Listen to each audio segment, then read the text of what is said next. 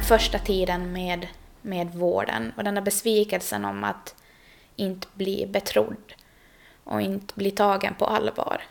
Um, det var det tyngsta. Och det är tungt ännu idag. När, när det kommer stunder då, då du inte klarar av din smärta och måste åka in. Och bara förklara om och om igen och förklara hur du har smärtan. Uh, och hur det känns och vad det är och, och hela den biten. Och också mycket vänskap, alltså mycket familjen och vänskapskretsen och hur de ser på en. Så det allt påverkar en psykiskt. Det är, ingen, det är så få som, som tror på en. För det här är en kvinnosjukdom, men du kan ju inte se det på mig när du träffar mig öga mot öga. Du kan inte se att jag är jättesjuk, att jag kanske inte ätit på fyra dygn. Jag kanske inte har kunnat gå på toa på fem dygn och sovit skitdåligt och gör allt bara för att klara av vardagen. Det kanske du inte ser på mig när du träffar mig sådär. Men ska jag ha ett brutet ben, då skulle du absolut förstå att jag har ont. Den på något vis tar, tar så mycket över.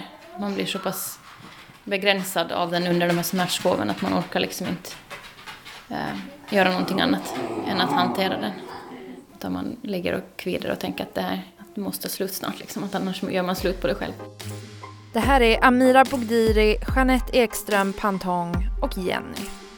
Förutom att de alla bor eller har bott på Åland så har de en annan stor sak gemensamt. De har alla sjukdomen endometrios. Endometrios är en sjukdom som bara drabbar livmoderbärare, alltså kvinnor, och ungefär 10% av alla kvinnor i fertil ålder lider av endometrios. Det blir uppskattningsvis 176 miljoner kvinnor och det finns inget känt botemedel mot endometrios. 176 miljoner drabbade kvinnor och ändå så vet jag knappt någonting om den här väldigt vanliga sjukdomen. Så jag besökte Annika Kahnberg, klinikchef för BB och gynekologikliniken vid OHS för att få lära mig mer. Endometrios är livmoderslemhinna som sätter sig utanför livmodern, i buken mestadels. Det kan ge varierande problem men precis som livmoderslemhinnan blöder en gång i månaden så blir det en blödning ut i buken och inflammation som ger smärtor. Det kan också på sikt skapa både kärl och nervinväxt som också ger smärtor. Får alla kvinnor samma symptom eller skiljer det sig hur man påverkas av det här? Det är väldigt olika för eh, smärtorna är inte relaterade till det vi ser vid till exempel en titthålsoperation. Det kan vara sådana som har en förändring som har jätteont medan sådana som har väldigt mycket förändringar inte har så mycket besvär. Eh, det behöver inte bara ge smärta vid mens utan det kan också sitta på tarm och ge smärtor vid tarmrörelser, vid tarmtömning. Det kan sitta på urinblåsan och det kan ge besvär som vid urinvägsinfektioner, smärtor vid miktion och eh, blir det genomväxt av endometrios så kan det också ge blödningar, blod i urin eller avföring. Det kommer ju från bukhålan så att säga. Det kommer eh, man brukar säga att det startar som en retrograd mens, att mensen blöder ut eh, via slidan men en del kommer också ut i buken via äggledarna. Och då sätter det sig på organen inne i bukhålan. Och när det sen växer sig djupare på de organen så kan de också gå in i tarmen eller in i blåsan. Eh, med den här inflammationen som är så blir det också lättare sammanväxningar. Sen kan den se väldigt olika ut för att viss endometrios är cystisk, ger mycket cystor nu pratar jag inte just om äggstockar utan jag pratar att det blir cystiska förändringar runt livmodern och äggstockar och att det blir väldigt lätt sammanväxningar mellan organen. Andra blir mer som en djup endometrios och kan sätta sig också på äggstockar och ge, man kallar det chokladcystor, men det är egentligen blodfyllda cystor. Medan andra gånger så kan det vara mer ytlig endometrios och att man inte ser så mycket sammanväxningar. Hur kommer det sig att det kan vara så stora variationer mellan liksom, hur man påverkas? Dels är det lite kanske var det sätter sig. Om det sätter sig på bukhinnan där det är eh, nära nerver och så, så, så kan det ge en viss typ av smärta när det blir drag där. Blir det djupare så kan det ibland ge lite mer vag vagala symptom som illamående och mer diffust obehag. Men sen tror jag det är väldigt olika också på personer och hur man reagerar på olika typer av smärta. Vet man varför, eller vad som orsakar endometrios? Nej, inte säkert. Man, man vet att det är en onormal aktivitet i muskelcellerna också i livmodern. Och man pratar om att det då är ett högre tryck i livmodern, att det blir mer retrograd menstruation hos dem som får endometrios. Men det finns också, det är väldigt vanligt med retrograd mens. Det är ju ett, en öppen väg ut så att säga. Så att det är ju inte alla som, som får endometrios bara för att de får blod i buken. Så att en viss ärftlig komponent finns det i det här. Så jag skulle tänka att det är hur man svarar på det här, ens eget immunförsvar som, som avgör också om man har en tendens plus hur mycket, hur ofta man har mens kanske. Man säger att har haft många graviditeter eller sen debut av sen menark när man börjar menstruera. Då är det inte lika stor risk för endometrios som de som har många menstruationer ofta. Som vi hörde så påverkar endometrios alla drabbade kvinnor olika och hur stark smärtan är ser också olika ut för alla. Men de tre kvinnor som jag har träffat och pratat med under mitt arbete med den här dokumentären har drabbats hårt av sin endometrios och de har alla haft svåra smärtor. Jeanette Ekström Pantong har haft sin diagnos i drygt tio år. Men hon har haft besvär och smärta vid mens redan sedan första mensen när hon var 14. Eh, just nu har jag en hormonbehandling som gör att jag inte blöder överhuvudtaget. Ehm, vilket gör att de, de flesta av mina symptom är, är vilande. De finns ju alltid där någonstans men just nu så mår jag ganska bra. Men annars så, så är ju mensvärken det som har varit värst för mig sån smärta som man liksom... Man vet inte vart man ska ta vägen. Det går inte att sitta, det går inte att ligga, det går liksom inte att gå bort den utan man måste på något vis ligga i fosterställning och ehm, liksom... Ja, det är fruktansvärt. Spyr gör jag av den och får...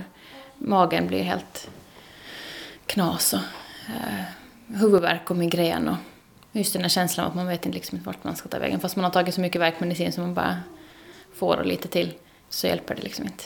Utan man ligger och kvider och tänker att det här att det måste slut snart, liksom, att annars gör man slut på det själv. Så det är det som har varit absolut värst för mig.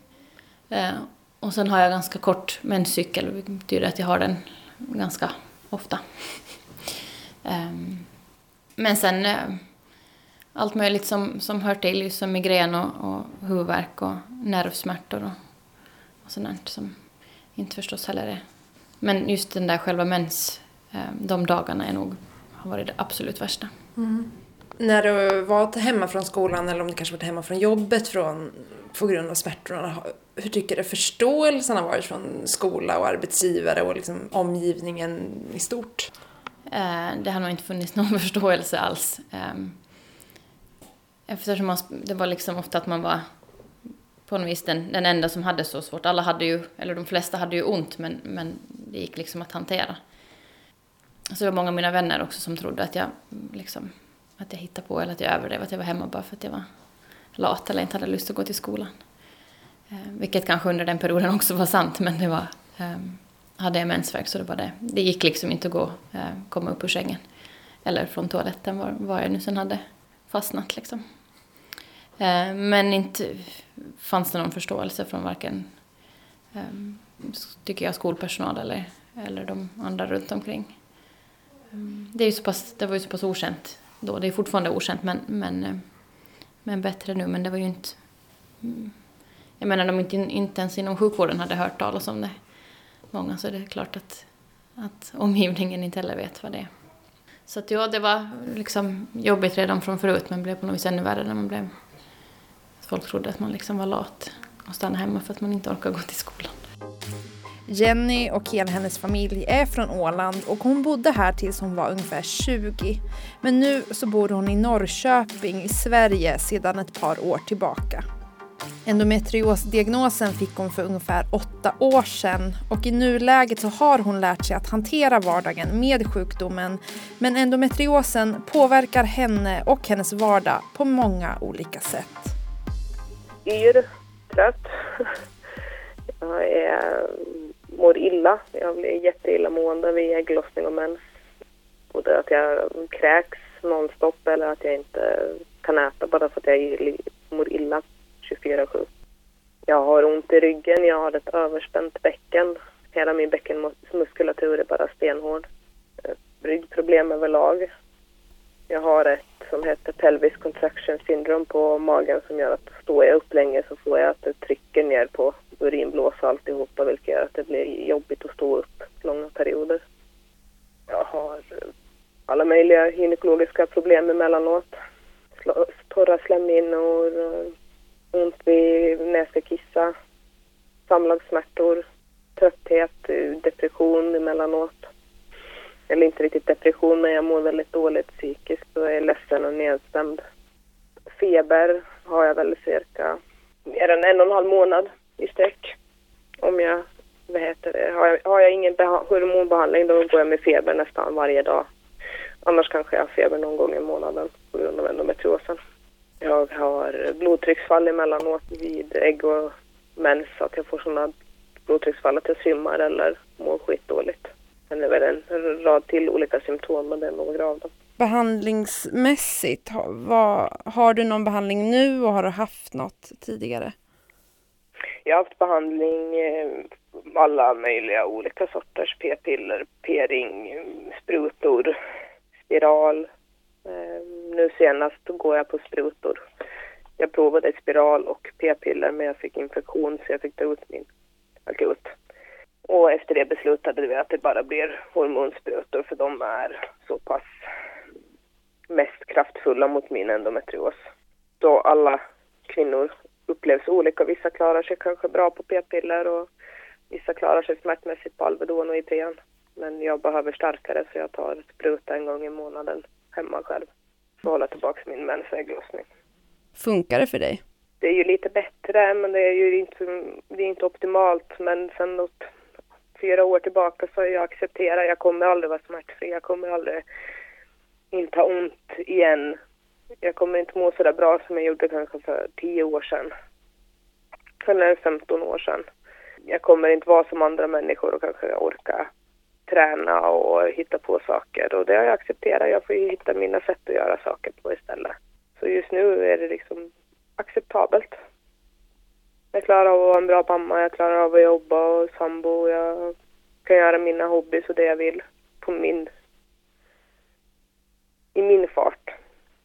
Hur kändes det för dig att behöva ändå acceptera det? Att ditt, ditt liv kanske inte kommer vara som alla andras?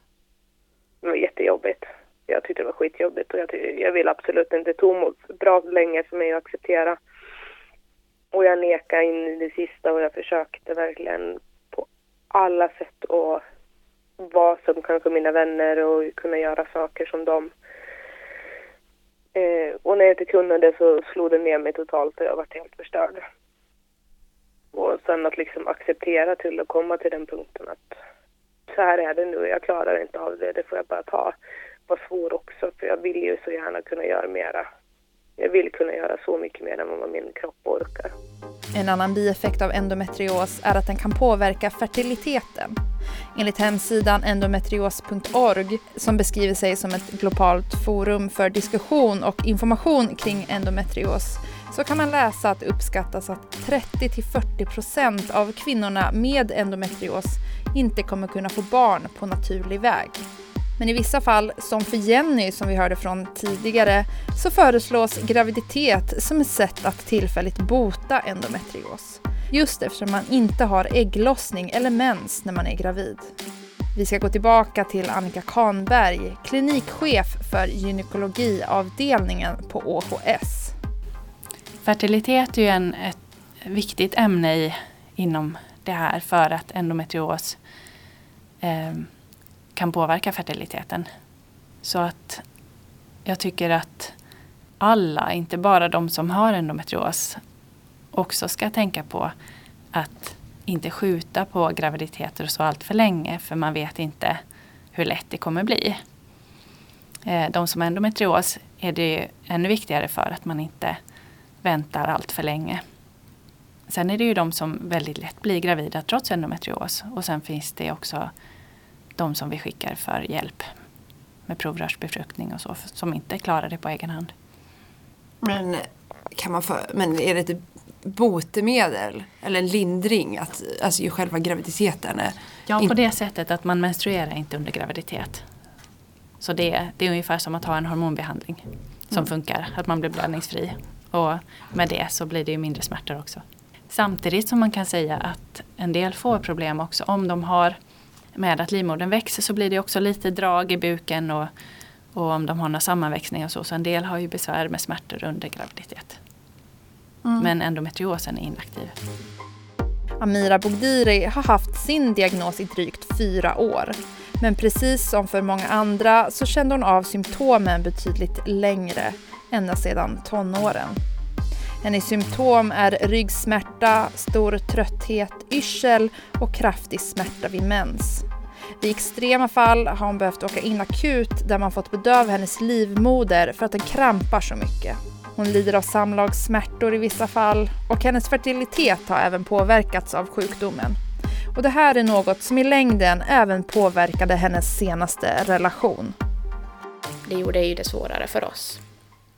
Även om vi båda visste att vi kanske kommer ur det här med någonting gott. Um, vi gled ifrån varandra och uh, ja, sen, sen separerade vi. Det, det var bara så. Det, jag misslyckades, eller min kropp misslyckades. Den, uh, den klarade inte av att uh, eh, bära det, det första embryo som de satte in. Och några veckor innan andra insättningen så, så tog det slut.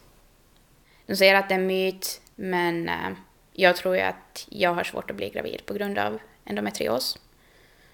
Um, så eftersom att jag idag har en så bra relation med, med vården och de lyssnar på mig och jag får den hjälp jag känner att jag behöver så föreslog de eh, IVF.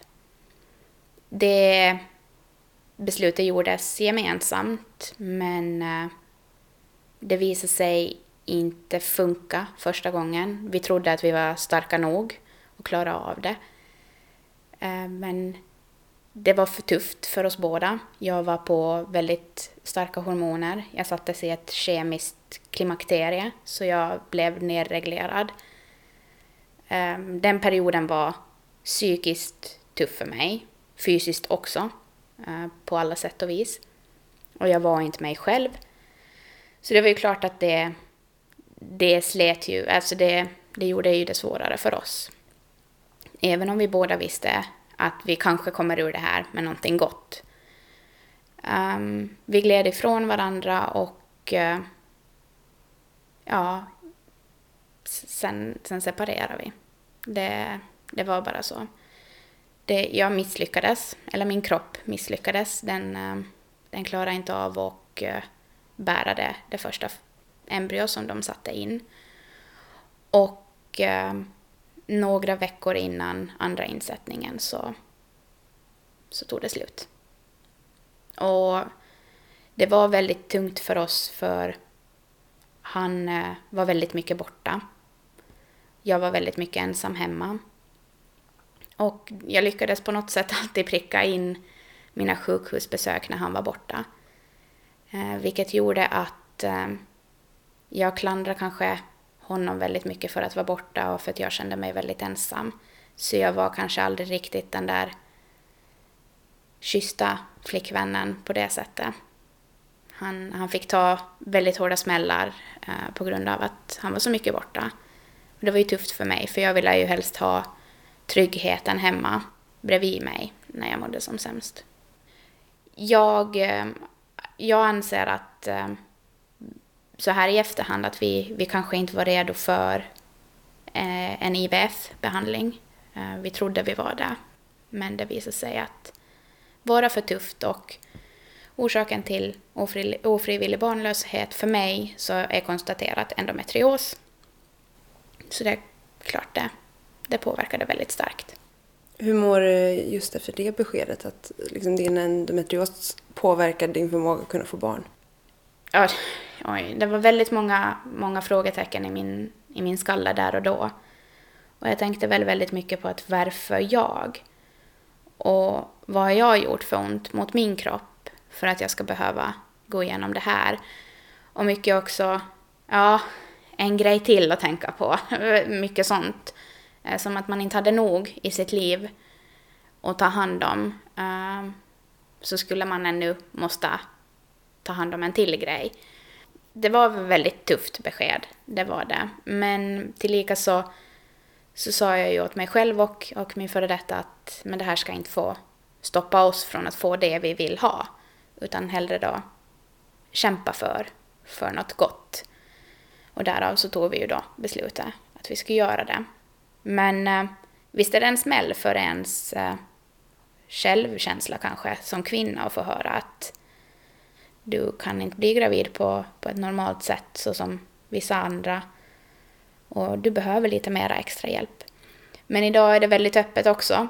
Eh, mycket, många pratar om, om IVF och är väldigt öppna om, om sina, sina problem så det är inte heller så tabulagt det mera.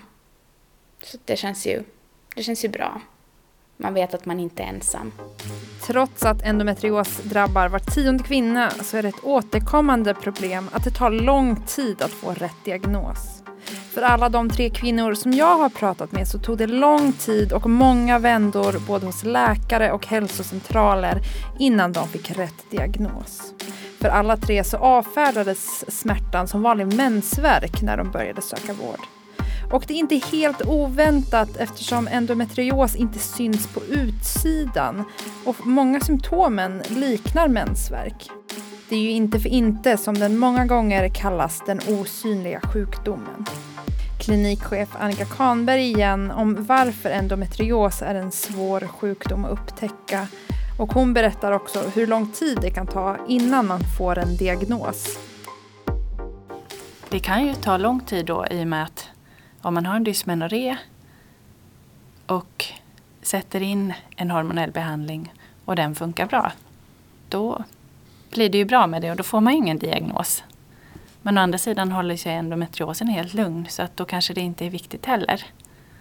Men de som har mycket besvär de söker upprepade gånger också och då, då blir det att man behöver titta vidare. Är det en svår sjukdom att faktiskt upptäcka och ställa rätt diagnos på? Just eftersom det kan variera så mycket hur det ser ut. Vanligtvis så brukar man ju, om man misstänker att det är endometrios, så brukar man egentligen inte sätta en säker diagnos det första, för det gör vi egentligen bäst med laparoskopi, med titthålsoperation. Och det är alltid risker med ingrepp, så att är det någon som söker för dysmenorré så börjar vi, eller smärtsam mens, så börjar vi med eh, hormonell behandling. Kombinerade eller bara gestagener beroende på vad de kan ta. Men är det så att det sen inte blir bra med det, då kanske man behöver gå vidare och titta hur ser det ut innan man går på lite starkare behandling. När bör man faktiskt ta vårdkontakt för liksom sina besvär och inte bara tänka att det är vanlig mensvärk? Det är om man har menssmärta som trots Burana en eller två dagar är svår så att det påverkar situation i skola eller jobb. Eller att man har mer långdragen smärta flera dagar. Eller att smärtan börjar före mens. Eh, att det blir en progress i smärtan om man har problem med smärtor i samband med mens vid tarmtömning, vid mektion, samlagssmärtor. Då tycker jag man ska söka. Vad finns det då man kan göra för eh, att bota eller lindra besvären? Om man bara ska lindra besvären så är det ju NSAID, eh, smärtstillande, som är det främsta. Men för att bota kan man inte riktigt göra. Utan man kan inaktivera endometrios genom att se till att man inte blöder. Och då är det hormonell behandling som, som är den som vi använder och egentligen den som finns. Så man kan använda både p-piller och kombinerade p-piller och enbart gestagener. Och sen kan man ju också använda GNR och analoger som sätter en i klimakteriet. Har ni sett någon förändring i um, jag tänker hur många som kommer till er och får en diagnos? Liksom har uh, fastställda diagnoser ökat eller har man eller antalet som söker för endometriosbesvär förändrats? Ehm, jag har lite svårt att säga det för jag, jag kanske inte, jag har varit med här sedan 2008. Så under den tiden tycker jag ändå att, att folk söker för det. Men jag vet att det, före det så var det ju eh, mer en diagnos som säkert missades mycket. Men det känns som att de flesta är ganska upplysta kring det här nu. Sen hoppas jag ju att folk söker i tid eh, för smärtor men, men förhoppningsvis så, så har man inom läkarkåren tillräcklig kunskap så att man remitterar vidare när det söks akut eller via hälsocentral. Jenny, som numera är bosatt i Sverige men som växte upp och bodde på Åland tills för ett par år sedan så tog det nästan tio år att få en diagnos på sin endometrios. Och många av hennes upplevelser med både den åländska och den svenska vården har varit långt ifrån goda. Det tog nog säkert 10-11 år, minst. Jag fick min första mens när jag var 12-13 och började få väldigt, väldigt ont och min mamma eh, såg väl samband för hon hade haft likadant. Och vi sökte vård på ungdomsmottagningen i stan och via skolhälsovården och allt möjligt men de sa bara att det var mensvärk och mensvärk ska göra ont. Så det är ingenting liksom ovanligt men jag var ju hemma från skolan både vid mens och ägglossning Eh, och var halvt sängliggande, kräktes, svimma, mådde riktigt dåligt. Och sen var det först när jag var 20 och sökte för ryggproblem och kom till en reumatolog på OHS som tog prover och sa att nej men det visar nog inte på reuma men jag misstänker att allting har att göra med din livmoder. Och så gick hon igenom lite och sen skrev hon remiss till GIN och då fick jag en eh, remiss dit och så fick jag komma och en, skulle få en uh, operation inplanerad för fastställa endometrios. Då. Så den, det förloppet gick ju ganska snabbt när jag väl hade kommit till OS och kommit till den här reumatologen och så. Men själva förloppet sen jag sökte hjälp inom vården har ju varit säkert 10-11 år. Ja, men vad, vad sa de till Jag tänker innan du fick de här remisserna som faktiskt ledde fram till operationen. Vad, vad sa de åt dig när du sökte vård? Att det var mensvärk och mensvärk ska göra ont. Det är inget konstigt och det är bara att bita ihop. Ta en varm kudde, ta två Alvedon, två Ipren och vila. Det, det är så här det ska vara att vara kvinna. Det var typ det vi, jag fick tillsagt till mig och min mamma när jag sökte vård. Jag svimmade, jag tror det var gymnasiet som jag svimmade i skolan och då skickade hälsosystern, körde upp mig till hälsocentralen. Och jag fick träffa en sköterska som först var jättesnäll och duktig men sen sa nej men det här är ju bara mensvärk. Och så fick jag en Voltaren-spruta, heter det här i Sverige, nu kommer jag inte ihåg vad det heter på Åland, i eh, rumpan och sen fick jag gå hem. Du blev inte tagen på allvar helt enkelt?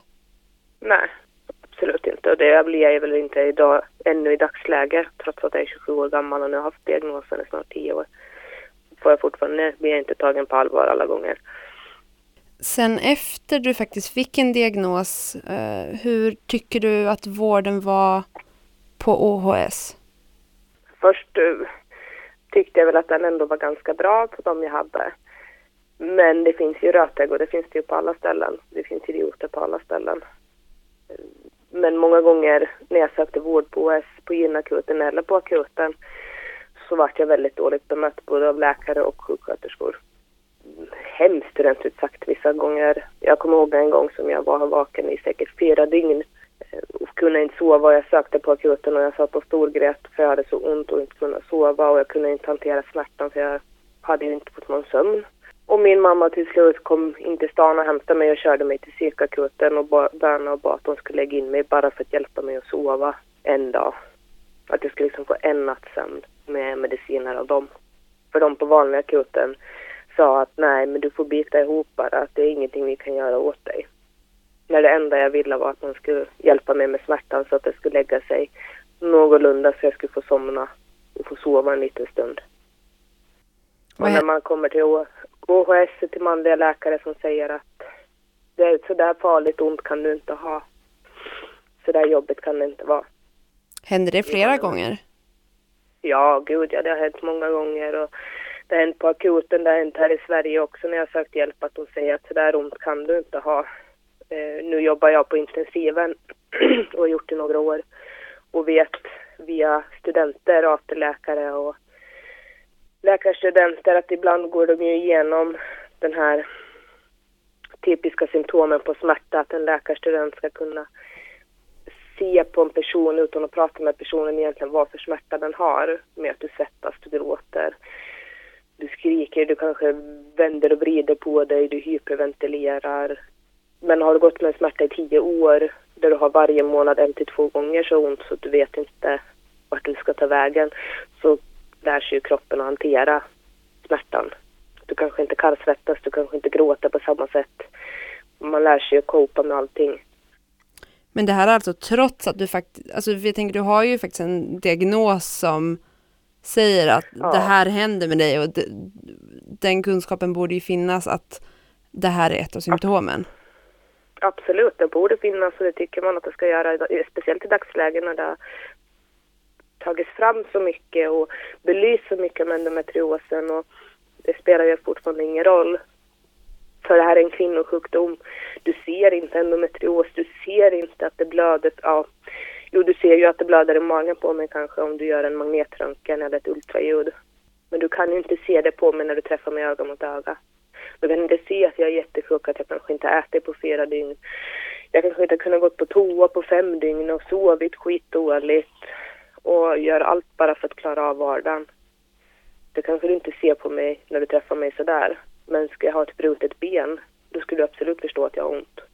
Har du sett någon skillnad mellan vad du fått för vård på Åland och i Sverige? Skillnaden jag tycker också är Åland där är ett litet ställe, det är en liten ö, det är inte mycket befolkning och söker du vård så har du egentligen bara ett ställe att söka vård på. Här har jag mycket i Sverige, mycket mera ställen att vända mig till. Jag har privat, jag har sjukhuset, jag har eh, mödravården eh, via barnmorskor, jag har liksom fler ställen. Har du sett någon skillnad på den allmänvården i Sverige Ja, på Åland? Ja, det, det blir ju lite svårt att kunna jämföra på vissa plan, till exempel när det gäller den akuta vården. Söker jag akut för att jag har svimmat hemma och slagit i huvudet för jag har så förbaskat ont till exempel, då har ju min sambo ringt här i Sverige ambulans och jag åker in till akuten och jag blir, har jag slagit mig så pass illa så röntgar de ju mig direkt och allt och jag kommer upp direkt till en gynläkare som undersöker och beslutar om jag behöver läggas in eller inte. Men på Åland om det ska hända så tar det så pass längre för det finns ingen gynläkare på plats oftast. De kanske ska komma in och ringas in eller något. De jag har träffat på S, jag träffar några som har varit jätteduktiga och försöker verkligen men kanske blir nerröstade i läkarkollegiet. Men vissa av dem där ska inte jobba med människor och speciellt inte på en kvinnoavdelning enligt mig. De är så förminskande mot oss endometriospatienter, i alla fall mig. Och på det sättet de har pratat om endometriospatienter är det inte acceptabelt. Kommer du ihåg när du hade din sista, alltså när sista gången du var i kontakt med OHS och hade, fick vård därifrån? Ja, det var nu efter jag födde min son och var på besök. Vi brukar spendera sommaren hemma. Eh, Och jag hade blödigt och haft ont efter förlossning och det. Och sökte hjälp på OS för blödningen och allting. Jag hade ringt och pratat med både 1177 i Sverige, jag ringde och pratade med min gyn här i Sverige. Och jag ringde och pratade med akuten på Åland och de sa nej men kom in, det är bättre att du kommer in så vi får bara kolla liksom. Jag får träffa en läkare som var så hemsk, han suckade. Jaha, är du här? Och jag tittar på honom och säger, men jag har ju inte liksom sökt hos dig, jag har inte träffat på dig sedan jag bodde på Åland liksom.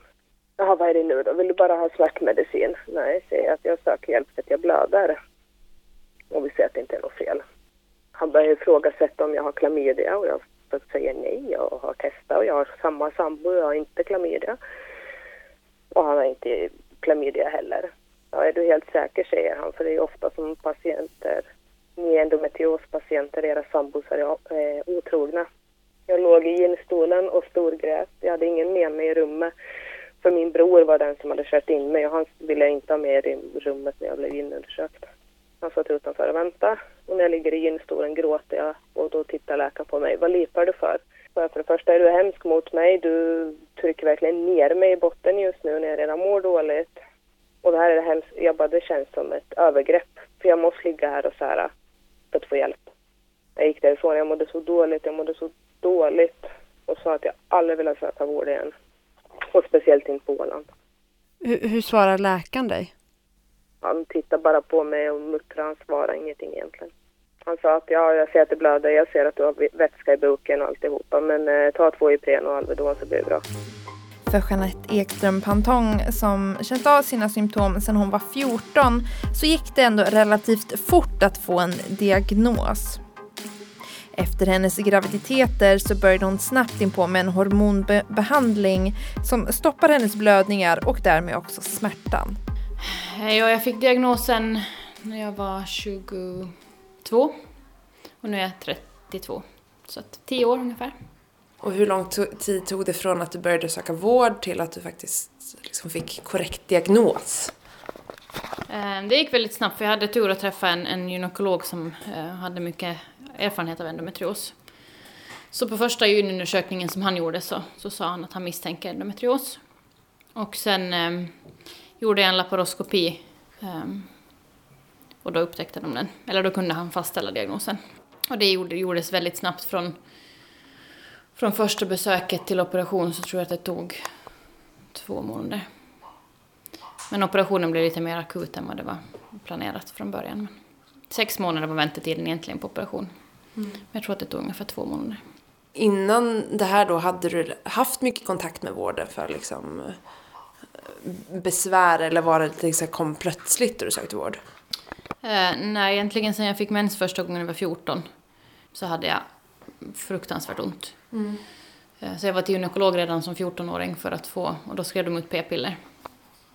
För att, för att då hantera smärtan. Um, och så värkmediciner förstås. Uh, men sen däremellan så, så um, var jag egentligen inte alls inkopplad i vården. Utan det var mest sen um, runt 20-årsåldern som det började bli riktigt... Uh, det var nog jobbigt i och för sig hela tiden men när jag började inse att det inte är normalt jobbigt utan det är något som jag behöver söka hjälp för. Så då gjorde jag det. Vad sa de då de första gångerna du var där? Jag tänker de i vården.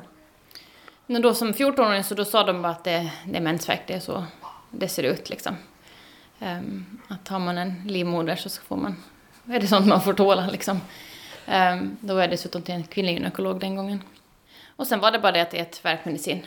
Ehm, så det var sen först då när jag var mm, i 20-årsåldern när jag sökte hjälp ehm, som jag tyckte att han, den gynekologen tog mig på allvar. Och inte bara viftade bort det med att det är mensvärk. Så att, det, men annars har det ju varit när man har åkt in med, mm, med smärtor så har det ju inte varit hemskt känt vad endometrios är. Så jag hade inte ens hört det och ingen hade ens sagt någonting om det innan, innan den här gynekologen då. Att det var egentligen innan, innan jag blev gravid med första som var eh, riktigt jobbigt. Och jag kommer ihåg, min, min man är ju från Thailand så vi har varit, varit i Thailand alltid sådär. När det har varit vinter här så vi har, bott, har vi bott i Thailand och sommaren eh, här då. Så innan jag kom hem då sista gången och eh, var till läkaren och fick det konstaterat så då tänkte jag att jag står inte ut, jag kommer inte att klara av ett, en enda mens till. För då var jag så fruktansvärt dålig. Att då kommer jag ihåg att jag låg på hotellrummet och bara grät och tänkte att det här går inte, att liksom, jag pallar inte med det här, jag vet inte vad jag ska göra. Och då hade jag tagit som sagt medicin och hade värmepåsar och, och försökte röra på mig och försökte göra liksom allt som man läser om att ska hjälpa men det var det var liksom ingenting som hade någon effekt överhuvudtaget. Um, så att då, skulle det ha fortsatt så vet jag inte hur jag skulle ha gjort. För det gick, det gick liksom inte att hantera. Eh, det var tre dagar som hon var helt eh, liksom sängliggande. Eh, så att jag hade tur som fick, fick hjälpen så snabbt då. Och efter det som hade liksom hållit sig på en någorlunda nivå att jag har kunnat hantera det. Men sådana som inte får den här behandlingen eller var den här behandlingen inte hjälper eller inte får någon annan behandling. Så det, jag, jag vet faktiskt inte hur, hur de klarar av det. För jag, skulle, jag vet inte hur jag skulle heller klara av en till sån episod. Liksom, för det var, var fruktansvärt. Mm. Um, man tänker att man, man, man dör hellre liksom, än att, att gå igenom det. För det, det, det går liksom inte. Det, det, fanns på något vis ingenting som, som kunde bryta det där. Liksom. När du fick beskedet eh, endometrios, hur var det? Um, det var lite blandat. Det var ganska skönt att få en, ett namn på det um, och veta att det inte Eh, att det inte är meningen att alla ska inte ha det så att alla har inte det så här. Liksom. Vilket jag i och för sig visste om eftersom jag hade många vänner som hade mens som inte alls hade ont och förstod inte alls varför jag hade så ont och låg liksom var tre dagar i månaden borta från skolan. Um, så det var skönt att få, få ett namn på det. Um, samtidigt som när man inte visste någonting om det så var det ju ganska sådär skrämmande innan man sen fick tillräckligt mycket, eller samla på sig information om, om vad det är, att det, ehm, liksom vad det innebär. Så det, var, det var väldigt blandat. Som vi har hört så har vägen till diagnos varierat för de här kvinnorna som jag just har pratat med i arbetet med den här dokumentären. Men gemensamt för alla tre är att de har fått sin diagnos av just OHS. Även för Amira Bogdiri, som vi har hört från tidigare, så tog det sex månader ut och in på akuten för extrema smärtor innan man kunde konstatera att det handlade om just endometrios. För de allra flesta så börjar sökandet av vård antingen på akuten eller på en hälsocentral som sedan remitterar vidare till gyn. Så vi ska tillbaka en sista gång till Annika Kahnberg, klinikchef för BB och gynekologikliniken vid OHS för att höra om det finns några riktlinjer som kan förenkla upptäckandet av endometrios. Och vi ska också höra om det finns några riktlinjer för hur man ska bemöta endometriospatienter. Ja, vi har sån här PM för endometriospatienter också, smärthantering eh, vid akuta skov och så. Så att det finns. Det liksom finns en, en rekommendation vad man gör. Och det finns på intranätet här på sjukhuset. Så, men då gäller det att de tar del av det. Vet du lite i stora drag vad, vad det står där? Nej, det står inte direkt eh, vid vilken form av smärta man ska remittera utan det står mer eh, vid endometriossmärta eh, vad ska man ge för någonting. Men det är det där att, att som akutläkare så ska man ju bedöma vad är det här för smärta. Det finns ju väldigt mycket andra buksmärtor de ska eh, skilja på. Och, men de flesta vet ju att när det är mensrelaterade smärtor då talar det för endometrios. Är det just att det kan finnas mycket olika sorters buksmärtor som gör att det kan vara svårt just vid en akut situation mm. eh, att, att veta vart hon ska? Mm. Det skulle jag tro. Bara en vanlig virus kan ju ge buksmärtor också. Så att eh, det finns många olika anledningar. Tarmen finns ju där nere. Det kan komma från urinvägarna. Eh, som jag sa tidigare, virusar, det finns gallsten, det är magkatarr. Det, det finns mycket som kan vara eh, alternativa diagnoser till, till endometrios. Men det som är typiskt är ju att det är just mensrelaterat. Sen om det har gått väldigt långt så kan man ju från en endometrios få ont hela tiden. Men det brukar alltid bli värre vid mens. Nu är ju inte det här riktigt ditt eh, område men tror det kan vara svårt just med endometrios att bli tagen på allvar av vården? Um, jag hoppas inte det. Smärta är alltid subjektivt. Men har man en smärta så behöver man ju ta reda på vad det rör sig om för smärta och hjälpa med det. Um, sen uh, handlar det väl en hel del hur man hanterar eh, smärtan och hur man tolererar behandlingar. Men det finns liksom aldrig någon anledning att inte ta en patient på allvar som har ont. Men jag tror att det handlar inte bara om smärtlindring utan det handlar också om lite copingstrategier och hur man hanterar sin situation själv. Och, och, och vissa av de här behandlingarna har ju också biverkningar. Ibland blir det som att de får välja mellan pest eller kolera för att inget alternativ är riktigt bra. Man får biverkningar med alla behandlingar man prövar men att vara utan behandling kan ge mer smärta. Så att eh, det är inte alltid så lätt i de situationerna. Och då finns det också den här psykiska komponenten att försöka eh, hantera den smärtan som är, att man inte blir rädd för den och så. Så att man försöker på flera håll. För oss som faktiskt inte har endometrios så tror jag att det kan vara svårt att uh, sätta sig in i vilken påverkan den här sjukdomen faktiskt har på vardagen. Så att för att åtminstone försöka få en lite bättre förståelse så ska vi höra nu från alla tre kvinnor om hur deras endometrios påverkar deras vardag. Vi hör nu först från Amira Bogdiri. Idag så, så har den påverkat mig ganska mycket. Jag är väldigt trött idag faktiskt. Uh, och uh, jag är inne också, har min mens just nu. Så att um, nu innan jag träffade dig så tog jag ett, ett lite starkare piller för att klara av, klara, klara av att prata med dig mm. helt enkelt så att jag inte skulle behöva ligga i fosterställning. Men sen att röra på sig, det hjälper ju också men det är ju inte som att du när du är i den här situationen vill göra det utan då vill du helst ligga stilla bara och, och hoppas på att det går över. Um, den påverkar mig på det sättet att uh, samlagen gör väldigt ont. Den, påver den påverkar mig rent hormonellt. Är det ju väldigt mycket som påverkar den. Mm, den påverkar mitt uh, förra förhållande. Det gjorde den. Så att det är ett, ett enda lidande egentligen. Dock så har jag ju försökt intala mig själv att uh, endometrios inte ska få styra min vardag. Utan det är jag som ska styra den. Jag försöker så gott jag kan men det är inte alltid jag lyckas. Märker du av det också liksom de dagarna på månaden när du inte har mens? Mm, jo men det gör jag. Hur då? Det, jag är väldigt... Jag, jag brukar förklara det som så att jag är väldigt känslig kring det området. Um, så jag känner av äggledarna, jag känner av äggstockarna. Um, säg att jag är i ett samlag då känner jag också av det. Det, det är väldigt komplicerat. Dessvärre så blir jag ju påmind om det varje dag också. Jag är väldigt aktiv i, i Facebookgrupper med, som, har ämn, som berör ämnet endometrios. Så man blir ju påmind av det varje dag. Vad är det värsta med endometrios? Eller vad har varit det värsta för dig? Mm.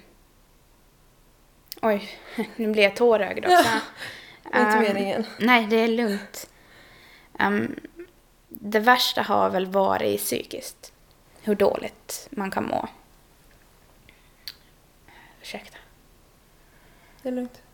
Och just det där... Eh, den första tiden med, med vården och den där besvikelsen om att inte bli betrodd och inte bli tagen på allvar. Um, det var det tyngsta. Och det är tungt ännu idag när, när det kommer stunder då, då du inte klarar av din smärta och måste åka in. Och bara förklara om och om igen och förklara hur du har smärtan. Eh, och hur det känns och var det är och, och hela den biten. Och också mycket vänskap, alltså mycket familjen och vänskapskretsen och hur de ser på en. Så det allt påverkar en psykiskt. Och allt från att man tror att man är hypokondriker och inbildningssjuk helt enkelt. Det är, ingen, det är så få som, som tror på en. Så, så jag skulle säga att det, det är det värsta. Och sen smärtan. Den kommer ju hand i hand med, med allting. Så, mm. Men som jag sa, jag har ju valt att inte låta endometriosen styra över min kropp och mitt liv. Utan det är jag som styr den. Men det är, det är verkligen ett, eh, ett lidande. Och ett lidande i tystnad. Generellt tror jag att folk har förståelse för det här. Eller liksom avfärdar man det som, ja men det är lite mensvärk. Lite som så här, så folk som en depression, ja men ryck upp dig, mm. kom igen, ta dig i kragen. Du har alldeles rätt. Det är ju nog lite sådär man blir bemött. Och det var så jag blev bemött av eh, vården. Um, och av mina, mina närmaste vänner och, och familj i början. Um, men jag har också valt att vara väldigt öppen och ärlig om vad jag går igenom och hu berätta hur det känns. Så jag tror med tiden så kommer folk att börja förstå att det är ingen, ingen lek när, när det väl sätter igång. Nu har du ändå ganska mycket under kontroll med den här hormonbehandlingen. Men innan, liksom, hur, hur, hur påverkar det vardagen och hur fortsätter det att påverka vardagen? Ja, innan jag fick eh, den här behandlingen så... Jag hade ungefär en vecka månaden där jag tyckte att jag mådde bra. Där jag inte hade symptom från, den, liksom, från sjukdomen. Som jag kopplar till sjukdomen. Sen eh, kanske inte eh, sjukvården skulle tycka samma sak. Eller det finns inga bevis för det. Eller, men jag upplevde att ungefär en vecka i månaden eh, så hade jag så nära på noll symptom som jag nu kommer att komma. Men resten av tiden så var det eh, migrän och jag hade problem med handlederna och ryggen och eh, höften och höger ben slutade fungera när man gick med det och sådär. Så att det, det påverkar ju jättemycket. Jag hade med ryggen också problem så jag fick vara, jag var sjukskriven tre veckor och gått på kryckor och varit inlagd på kirurgiska med ryggen och sånt som jag kopplar till, till den här sjukdomen. Då. Men, men så min vardag idag jämfört med innan den här behandlingen så är ju totalt annorlunda. Mm. Nu känner jag av den här eviga tröttheten som, som många av oss endometriosare eh, jag skulle vilja säga drabbas av för det är en sån här fruktansvärd trötthet som liksom inte går över hur man än sover och försöker vila och återhämta sig. Men, men så det är väl det jag märker av mest nu. Men annars så um, har jag väldigt lite symptom. Så idag påverkar den inte mig um, så mycket alls jämfört med, med tidigare när den har varit mm. liksom uh, otroligt stor del av ens liv. Liksom. Vad tycker du har varit det värsta med endometriosen? Det är väl det att den, den på något vis tar, tar så mycket över. Man blir så pass begränsad av den under de här smärtskoven att man orkar liksom inte eh, göra någonting annat än att hantera den. Det värsta är, är hur det begränsar ens liv.